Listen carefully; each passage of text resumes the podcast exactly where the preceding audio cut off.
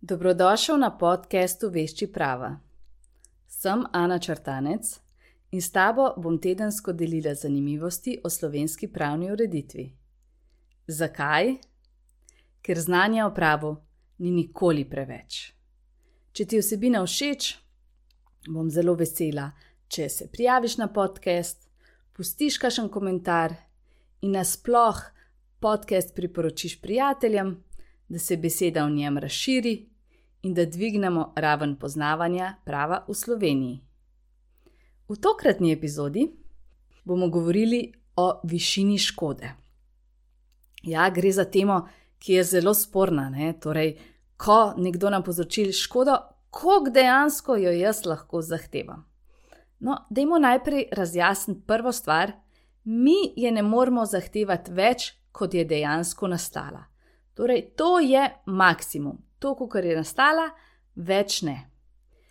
Čemu je torej namenjeno povračilo škode? Prvič, vzpostavitvi v prejšnjo stanje. Kaj zdaj to pomeni? Naprimer, nekdo nam je strgal majico, nam kupi enako majico. Ja, torej je vzpostavljeno stanje, kakršno je bilo. Zdaj, če to ni možno, potem se da neko nadomestilo, v denarni protivrednosti. Ja, torej, če ni možna z enako stvarjo, a, torej z isto vrstno stvarjo, potem gre za neko denarno nadomestilo. Tretja opcija, govorimo o satisfakciji, je pa, da damo neko opravičilo ali pa javno izjavo, naprimer, če nas je kdo žalil, v tem primeru pride v poštev kaj taska. No, in Zdaj, bistveno je, da škoda oziroma odškodnina, torej ko enkrat, ko govorimo o povračilu škode, se dosodi odškodnina, ni namenjena kaznovanju. Ja, iz ameriškega sistema boste doskrat videli, da oni govorijo o nečem, kar se pravi punitive damages. Torej, da oseba ne bi nečesa več ponovila in dosodijo neko vrednost, koliko je bila škoda, in potem, koliko je kazen, da se to ne bo več ponovil, in se to dosodi oškodovancu. V našem sistemu to nikakor ne obstaja. Ja, torej, naš slovenski pravni sistem ne pozna take oblike škode, torej za kaznovanje.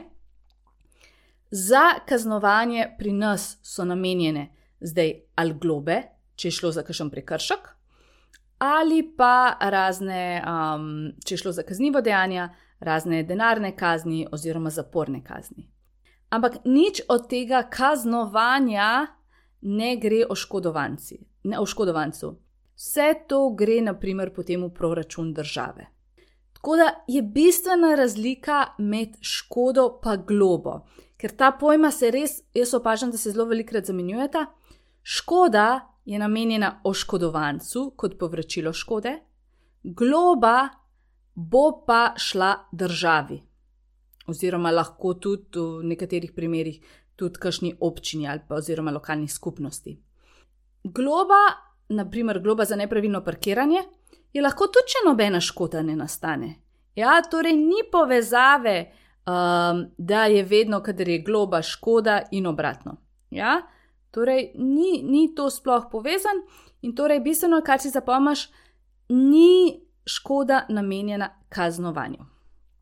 Ok, in zdaj, ko to vemo, kako zdaj določimo višino škode? Lahko se škoda določi v enkratnem znesku, lahko se da pa kot renta, da se plačuje naprimer mesečno. Spet odvisno od okoliščin primera.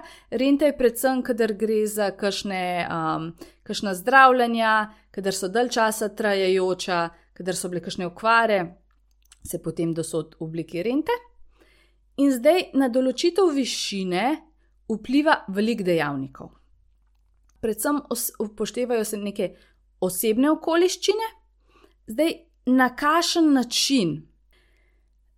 Zdaj, najlažje je, seveda, če gre za neko navadno škodo.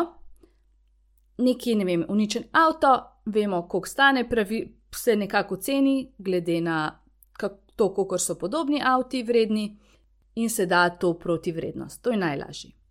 Izgubljen dobiček, ma to je že teži. Torej, pri izgubljenem dobičku je treba ugotavljati, koliko bi imeli mi več dobička, če do te škode ne bi prišlo.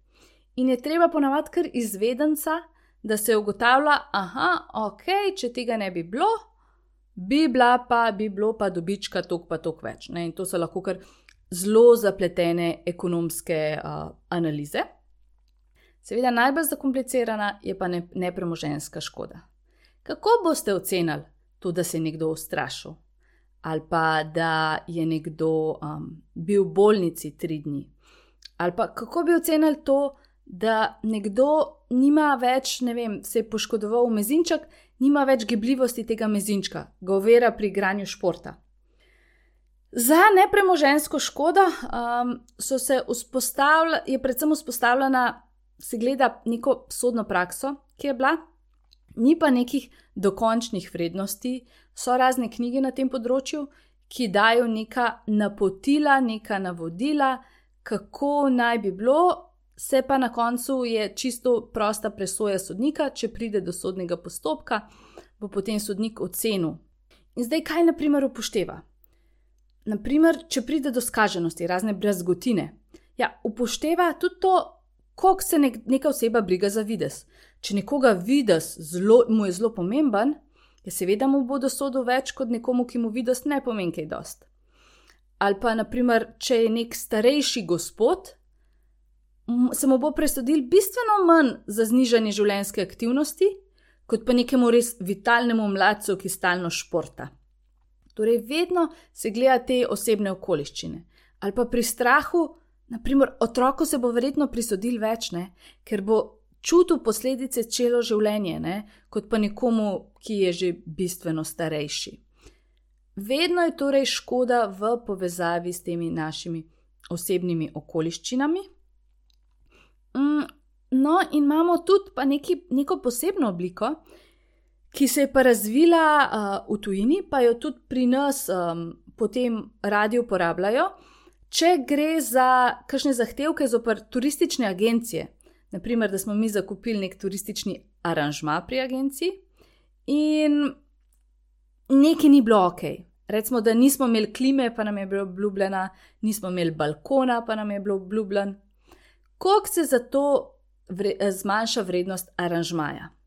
Temu se reče frankfurtske tabele, ker, se seveda, ker so se vzpostavile v Frankfurtu, je sodišče v Frankfurtu dal te vrednosti okvirne. In se, naprimer, če ni balkona, lahko znižamo aranžma za 5 do 10 odstotkov. In poln takih stvari je, um, ki potem na podlagi tega lahko mi vsaj približno vemo, kako oblikovati uh, na zahtevek, ker drugače je to kar precejšen izziv. Kako dejansko postaviti to vrednost, in o vsem tem, in o samem postopku, uh, bomo imeli pa gosta naslednjič, ki nam bo predaval točno o tem. Se vidimo naslednjič. Lepo bodi.